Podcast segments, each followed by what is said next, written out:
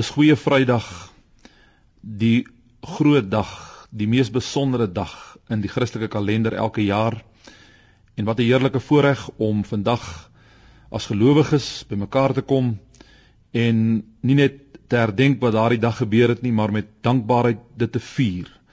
Want dit word nie kwade of slegte Vrydag genoem nie. Dis 'n goeie Vrydag, alhoewel die gebeure op daardie dag so pynlik en en verskeurend was is dit vir ons vandag 'n goeie dag en daarom kan ons dit vier met dankbaarheid en aan God al die eer gee. En ons wil u hartlik nooi om saam met ons te deel, saam met ons te sing, u hart oop te maak en te hoor wat die Here ook vandag deur sy woord en sy gees aan u wil sê. Kom ons gaan vir 'n paar oomblikke net onsself verootmoedig voor die Here in gebed. Hemelse Vader, baie dankie dat ons as gelowiges op so 'n besondere manier vandag ook vir u kan kom dankie sê. Dankie vir 'n gebeure wat net eenmal nodig was. 'n Gebeure wat die wêreld verander het, wat ons lewens verander het. En ons wil vra dat u vandag verheerlik sal word en dat u deur die woord en deur die gees in elkeen van ons harte 'n werk sal doen wat nie deur tyd weggewas sal kan word nie. Wat ons lewens sal verryk en seën en waar nodig verander. Word u verheerlik in die loop van hierdie diens in Jesus se naam. Amen. Een van die liedere wat die mees aangrypende is as 'n mens by Goeie Vrydag by Golgotha en by die kruis kom, is die lied deur Prophet 'n houtkruis of die houtkruis. En ons gaan vandag spesifiek luister as Prophet self vir ons hierdie besondere lied sing. Daar was 'n houtkruis.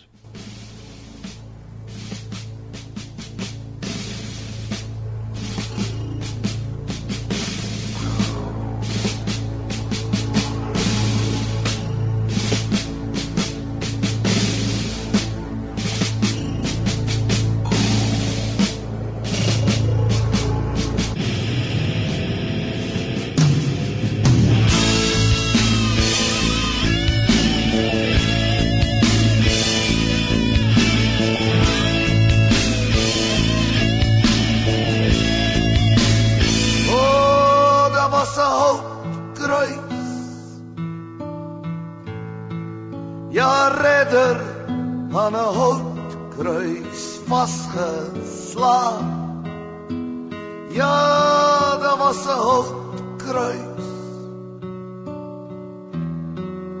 En daarom sal ek sing. Ek onthou vir Dawid Voor die ark het hy gedaan juig na die kruis van Jesus. Hoe sal ons kan hande vou en swyg? Want daar was 'n kruis. Ja redder aan 'n hoop kruis vasgeslaan. soul terug En daarom sal ek sing Wie sal my kan stil maak Wie sal my gitaar se snaar afbreek Wie sal my kan doodmaak as my voete dans wil los wil breek. Man daar was 'n hond geluid. Ja redder aan 'n hond reis vasgeslaan ja daar was 'n hond geluid. En daarom sal ek sê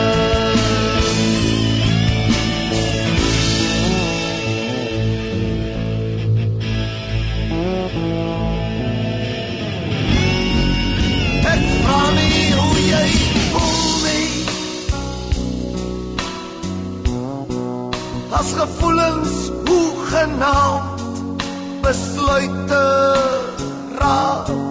Dan was daar nooit die pyn nie.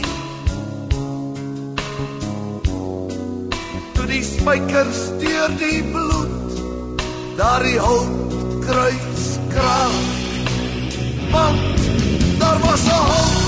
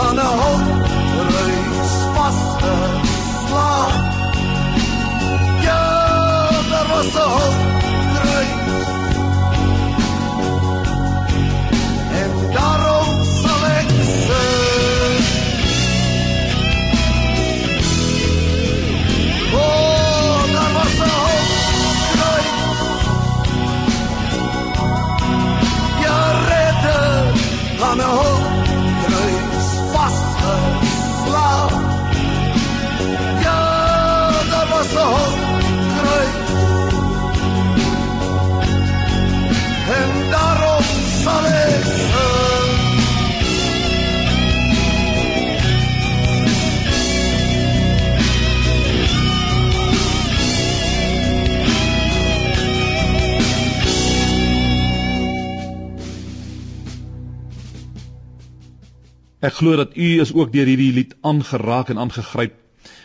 En ek wil graag vandag met u praat oor 'n onderwerp, 'n tema wat ons in Johannes 19 aantref in vers 5, maar ek wil graag die eerste 5 verse vir u lees en ek lees uit die 1953 vertaling.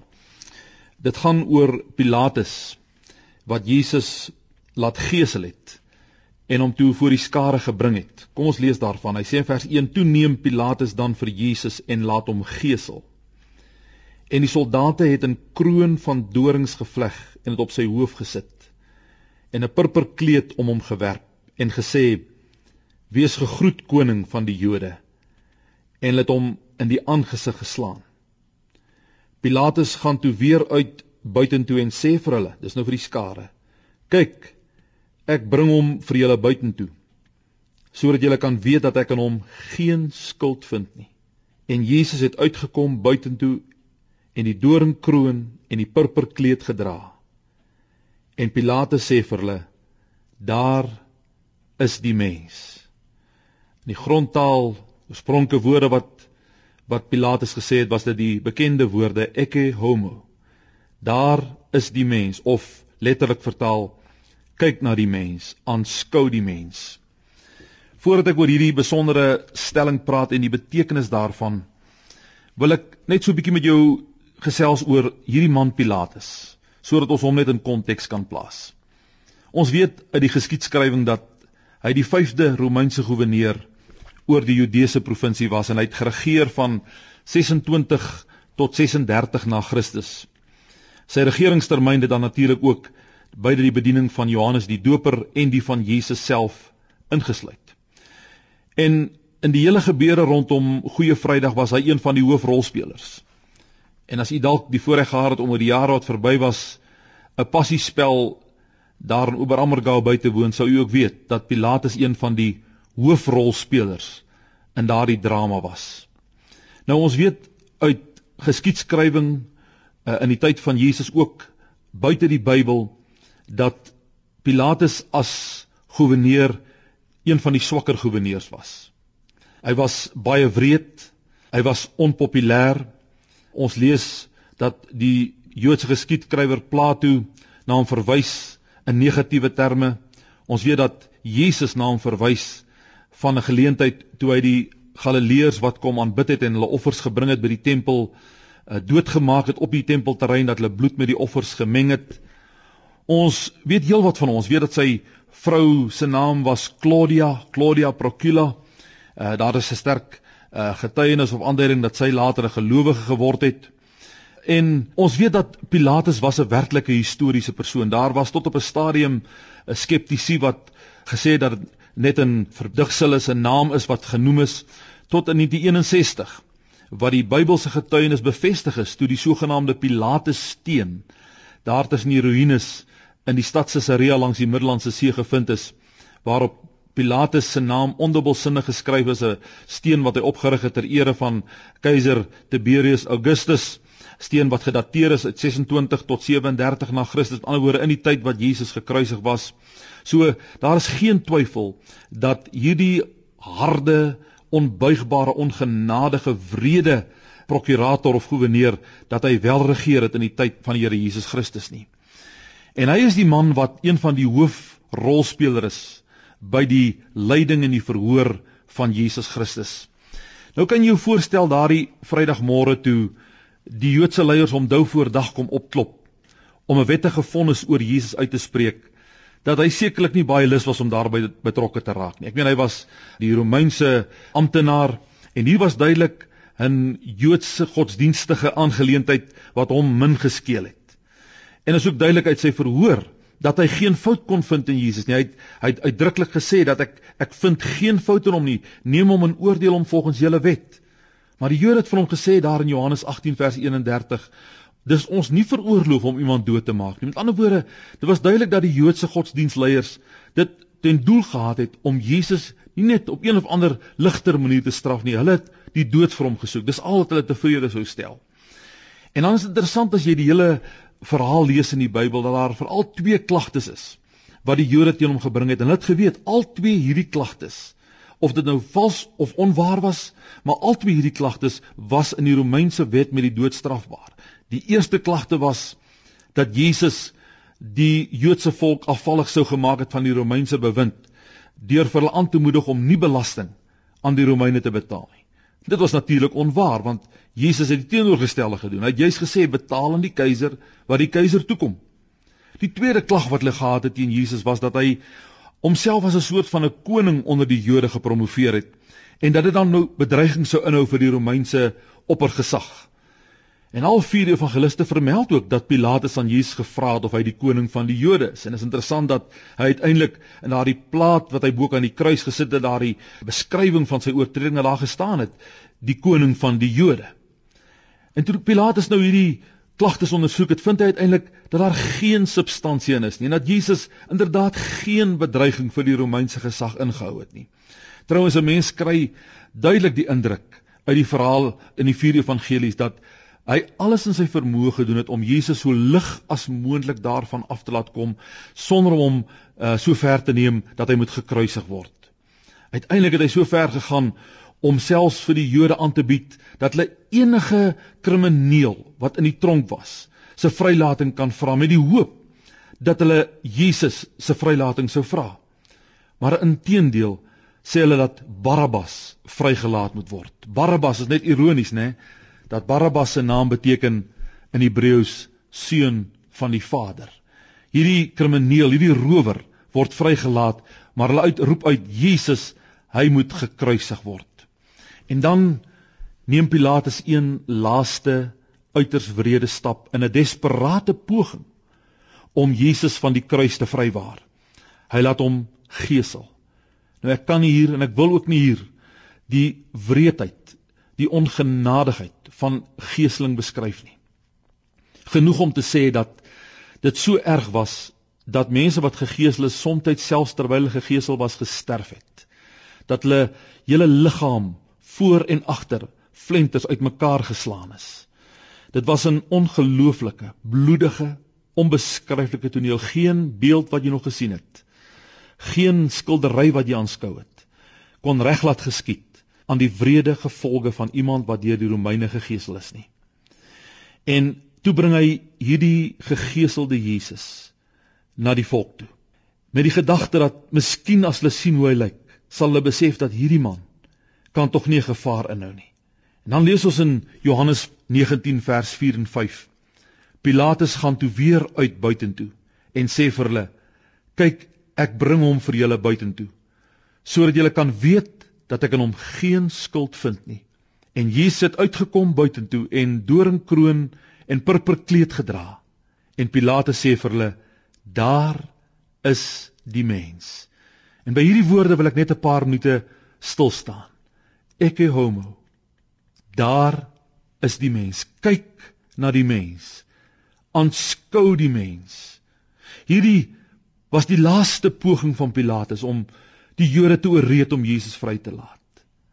Hy het gehoop dat as die Jode Jesus sien na sy geeseling en marteling en sy vernuweerde bloeiende verwese voorkoms dat hulle harte sou versag en dat hulle sou sê dis genoeg laat hom maar gaan. Hy wou dus deur hulle gevoel hulle emosies probeer om hulle te oortuig. Hy kon dit met gesonde logika nie regkry nie. Hy het dit deur die wet probeer maar hulle het hom doodgeskreeu en hy probeer nou op gevoelsvlak die Jode te oortuig dat hulle hom nou kan maar laat gaan. Kyk hoe lyk hy. En as hy vir hulle sê is homo, aanskou die mens, sê hy eintlik vir hulle, kyk hoe lyk hy. Lyk hy vir julle soos 'n gevaarlike opstandeling of vyand? Is dit nou die mens op wie julle afgunstig en jaloers is? Dink julle nie hy het genoeg gelei nie? Julle het mos nie nodig om die doodstraf te begeer vir iemand wat so skadeloos en verwese is nie. Kan dit die man wees wat julle so geesdriftig beskuldig wat julle wil dood hê. Maar nee, hulle het steeds hysteries geskreeu, kruisig hom, kruisig hom. Jy weet vir my bly dit 'n misterie dat een weerlose mens sonder wapens, sonder 'n leer, so 'n reaksie by die leierskap van die volk kon opwek. Net so onverstaanbaar as dat koning Herodes die Grote destyds by sy geboorte so vrees gehad het vir hierdie babatjie in die krib terwyl hy van wie hy talle onskuldige kindertjies in Bethlehem laat vermoor het. En as 'n mens kyk na hierdie vrees vir Jesus, selfs as 'n babatjie en hierdie verminkte verwese mens wat hier voor die skare staan, stikkend geslaan geboei, dan besef jy dat die eintlike rede vir hierdie vrees is dat sy koms na die aarde 'n geweldige impak op die koninkryk van duister gehad het. Net so kan ek vandag nie verstaan dat Jesus en sy woord vandag by sommiges sommige lande, sommige mense so 'n so 'n vrees en en weerstand ontlok nie dat dat sy woord, die Bybel verbied word. Dat mense dit nie mag publiek lees nie, dat dit dit nie vir mag gee nie. Waarom is dit so dat dat Jesus Christus sy koms na hierdie aarde sy bediening op aarde en sy woord mense so bang maak. Kan 'n mens anders as om te dink of te glo dat daar meer is as net 'n 'n groot filosoof, 'n groot voorbeeld, maar dit inderdaad die een is wat die gang van die wêreld sou verander en dat die bose en sy magte hom vrees en hom en hom so gou as moontlik as dit ware uit die weg sou probeer ruim. En uiteindelik sou dit juis sy dood aan die kruis wees waar die kop van die slang vermorsel sou word. En toe Pilatus die vernederde, bloeiende, gemartelde Christus voor die skare bring, was dit sy oogmerk om die om die harte van hierdie bloeddorstige mense te versag en hom vrygespreek te kry. Vandaar sy woorde: Ecce homo. Daar is die mens.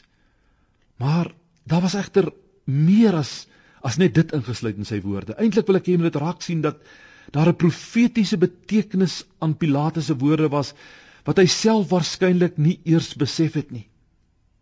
As hy sê ecce homo, daar is die mens, aanskou die mens. Wil ek hê jy moet oplet die woorde. Daar staan nie dat hy gesê het daar is 'n mens nie. Ook in die grondtaal word dit vertaal as daar is die mens of kyk na die mens. Daar's 'n bepaalde lidwoord wat dit duidelik spel, die mens. En as jy mooi daaraan dink, is Christus die enigste een wat die mens genoem kan word. Geen een van ons kan onsself as die mens beskryf nie. Ons is maar net 'n mens. Dit is die mens waarvan in die Bybel verwys word na as die seun van die mens. Jesus het homself so genoem. En profeties het Pilatus Jesus voorgestel as as God se oorspronklike prototipe, die volmaakte mens, die een na wie se beeld en gelykenis ons gemaak is. Hierdie profetiese implikasie wat Pilatus nie besef het nie, is dat Jesus daar gestaan het en en dit moet jy moet jy vanmôre vat. Toe Jesus daar staan, vermink, vernederd, verwese en Pilatus oor hom aankondig, kyk na die mens, het hy eintlik daar gestaan as verteenwoordiger van die hele mensdom. Van elke mens wat nog ooit geleef het en nog sal lewe. En as Pilatus sê daar is die mens of aanskou die mens en ons na hom kyk, dan kyk ons eintlik in 'n spieël. Dan sien ons onsself in hom soos in 'n spieël. In ons sonde, ons gebrokenheid, ons gevallenheid is dit hoe ons eintlik in die oë van God gelyk het. Soos wat hy daar gestaan het. Verwese, beteuterd, vernederd, stikkend, bloeiend, pateties, bespot, gehoon, verworpe, alleen, sterwend. Dit is wat ons verdien het. Die mens, Jesus as ons plaasvervanger, die een wat die toorn van God oor ons sondes op hom geneem het, het net in ons plek daar gestaan. Dit was eintlik ek en jy wat verdien het om so te lyk so mishandel en verwerp te word. En daarom is die fanatiese uitroep van die Jode daar in Lukas 23 vers 21 kruisig hom, kruisig hom eintlik heel toepaslik en korrek. Want dit was ten diepste hulle, maar ook ek en jy wat daar veroordeel en in skande gestaan het. Dit was hulle en ons sonde en skuld wat hom daar gebring het. En daarom was dit in 'n sekere sin korrek dat hulle uitgeroep het kruisig hom. Dit is die oordeel wat ons eintlik toekom en verdien. Hy was net ons plaasvervanger. Hy was die lam wat in ons plek ter wille van ons geslag is. Dit was ons wat aan hom daar gestaan het. Dit was die oordeel wat eintlik oor elke lid van die mensdom uitgespreek moes word. En daarom praat ons reg as ons sê dat hy in ons plek gelei en gesterf het. Dit was ten diepste waarom hy na hierdie wêreld toe gekom het. Dit is die wese van die evangelie. Daar is vandag mense wat in hulle denke oor godsdiens so deur humanisme en sekularisme oorweldig is dat hulle aanstoot neem by so 'n bloedige verhaal. Dit nie kan verwerk dat 'n onskuldige nogal die seun van God so wreed en bloedig verniel en verneder is en en hy wat onskuldig was in ons plek gesterf het nie. Dis presies die rede. Want hy was die mens. Die mens wat as dit ware in proksie gestaan het vir elkeen vanaf Adam tot by die laaste mens. Dis die mens wat daar gestaan het in jou en my plek. Eintlik jy en ek wat in hom daar staan. Dan as 'n mens luister na die woorde van Jesaja wat hy meer as 700 jaar voor Jesus dood gesê het in Jesaja 53 en ek wil dit vir jou lees en ek wil jy moet mooi daarna luister en en dalk sal jy dit beter verstaan as ooit vantevore. As hy sê hy het geen gestalte of heerlikheid gehad dat ons hom sou aansien nie en geen voorkoms dat ons hom sou begeer nie. Hy was verag en deur die mense verlaat. 'n Man van smarte en bekend met krankheid. Ja, soos een vir wie 'n mens sy gelaat verberg. Hy was verag en ons het hom nie geag nie. Nogtans het hy ons krankhede op hom geneem en ons smarte deed hy gedra. Maar ons het hom gehou vir een wat geplaag, deur God geslaan en verdruk was maar hy is ter wille van ons oortredinge deurboor. Ter wille van ons ongeregtighede is hy verbrysel. Die straf wat vir ons die vrede aanbring was op hom. En deur sy wonde het daar vir ons genesing gekom. Ons almal het gedwaal soos skape. Ons het elkeen sy eie pad geloop. Maar die Here het die ongeregtigheid van ons almal op hom laat neerkom. Hy is mishandel hoewel hy onderworpe was. En hy het sy mond nie oopgemaak nie soos 'n lam wat na die slagplek gelei word en soos 'n skaap wat stom is voor sy steerders. Ja, hy het sy mond nie oopgemaak nie. Wanneer ons besef en aanvaar dat hy plaasvervangend in jou en my plek daar gestaan het, dan kom jy by die hart van die evangelie. En dan verstaan jy hoekom Paulus in Galasiërs 2 vers 20 dit so mooi opsom. As hy sê ek is met Christus gekruisig en ek leef nie meer nie, maar Christus leef in my. En daarom is daardie verminkte en bebloede liggaam van Jesus wat in soveel skande en vernedering aan die Jode getoon is vir ons wat deur sy lyding en kruisdood verlos is die kosbaarste mees gewaardeerde voorwerp wat daar is. En daardeur word die diepste emosies van die kerk en van die gelowiges geraak. En vandag as ons deur die grysse nevels en die gange van die eeue kyk en luister dan kom Pilate se woorde steeds aangerol na ons toe. Ek is homo. Aanskou die mens. Kyk na die mens Christus Jesus en sy lyding kyk na hom en ween want dis my sonde en jou sonde wat hom daar gebring het. Dis eintlik ek en jy wat daar staan. Kyk na hom en dan bid hom. Kyk na hom en, en bemin hom. Kyk na hom en dank hom en eer hom met jou hele hart. Maar nou wil ek ook sê hy het eenmal so vernederd voor mense gestaan. Dit sal nooit weer gebeur nie Maar daar gaan 'n dag kom dat daar dalk soortgelyke woorde weer gespreek sal word. Want in 1 Tessalonisense 4 vers 16 staan daar wat betref die wederkoms van Jesus dat die Here self sal van die hemel neerdal met 'n geroep met die stem van 'n aartsengel. Die aartsengel gaan sy wederkoms aankondig. In Openbaring 1 vers 7 sê elke oog sal hom sien, ook hulle wat hom deursteek het.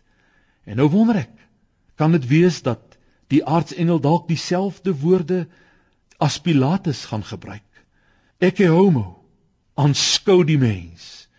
Wanneer Jesus weer kom op die wolke en die Bybel sê elke oog sal hom sien, ook hulle wat hom deursteek het. Maar hierdie keer nie as 'n vernederde mens nie, maar as die verheerlikte, triomferende die koning van al die konings, die regter van die ganse aarde. Maar daar gaan 'n groot verskil wees. 2000 jaar gelede was dit Jesus wat voor Pilatus en 'n helende skare gestaan het ter wille van die sondes van ons almal. Die feit is dat met sy wederkoms, wanneer daardie dag gaan kom, gaan die bordjies verhang wees. Dan gaan dit Pilatus wees en almal wat hom verwerp het en nie sy plaasvervangende lyding en sterwe aanvaar het nie wat hom weer in die oë sal moet kyk. Maar hierdie keer sal dit net van die ander kant af wees. Hy sal op die oordeelstroon sit en die ander gaan voor hom staan. Dit is so wonderlik om te weet dat die wat hom as verlosser aanvaar het nie deel van daardie oordeel sal wees nie.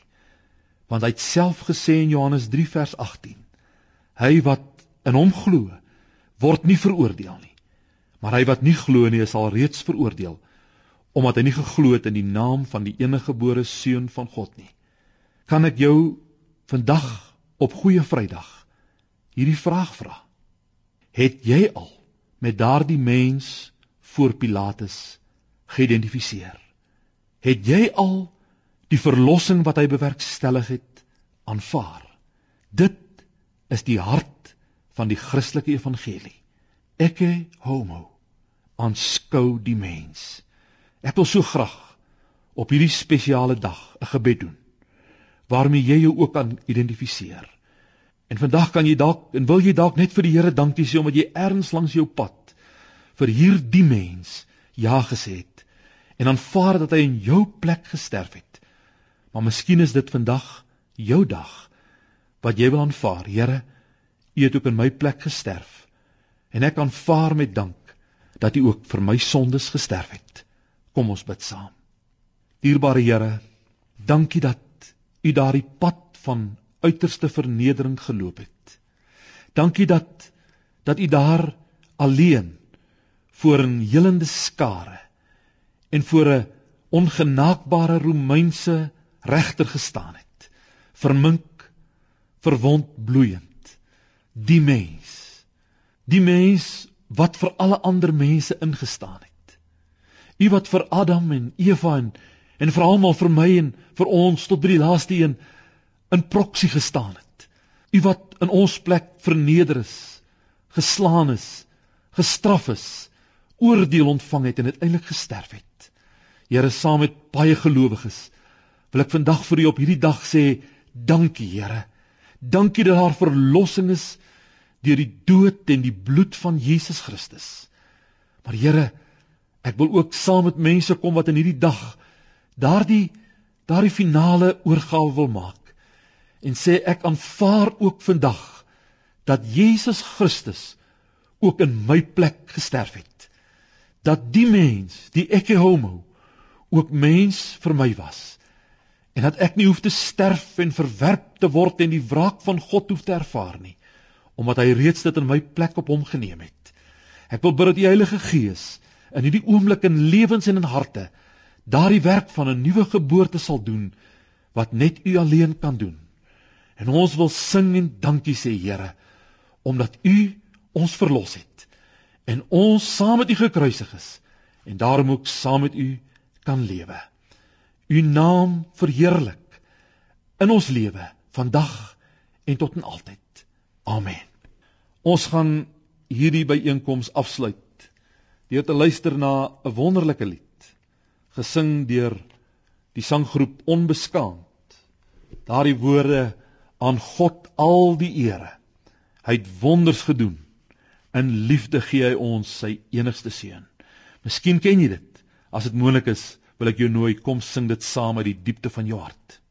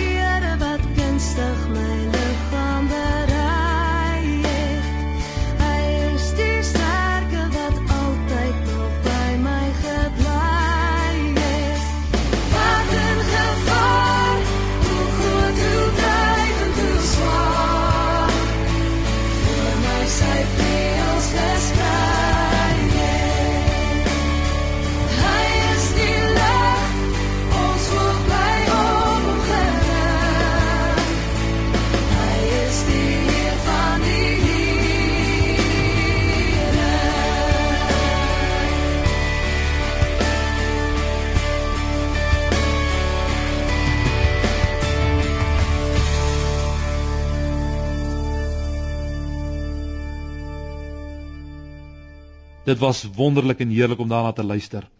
Kan ek in die naam van die Here Jesus, die seën en die guns van God oor jou afbid vir hierdie dag en vir die pad wat voorlê. En nou dank ons die Here dat ons 'n paar minute kon verwyl het om die woord en weer kon terugdink aan die grootste gebeurtenis, die mees lewensveranderende gebeurtenis in die geskiedenis. Dankie dat U ook ons lewens verander het. Hou ons in U hand en laat ons so lewe dat ons waardig sal wees aan die man wat in ons plek gesterf het. Ons bid dit in Jesus se naam. Amen.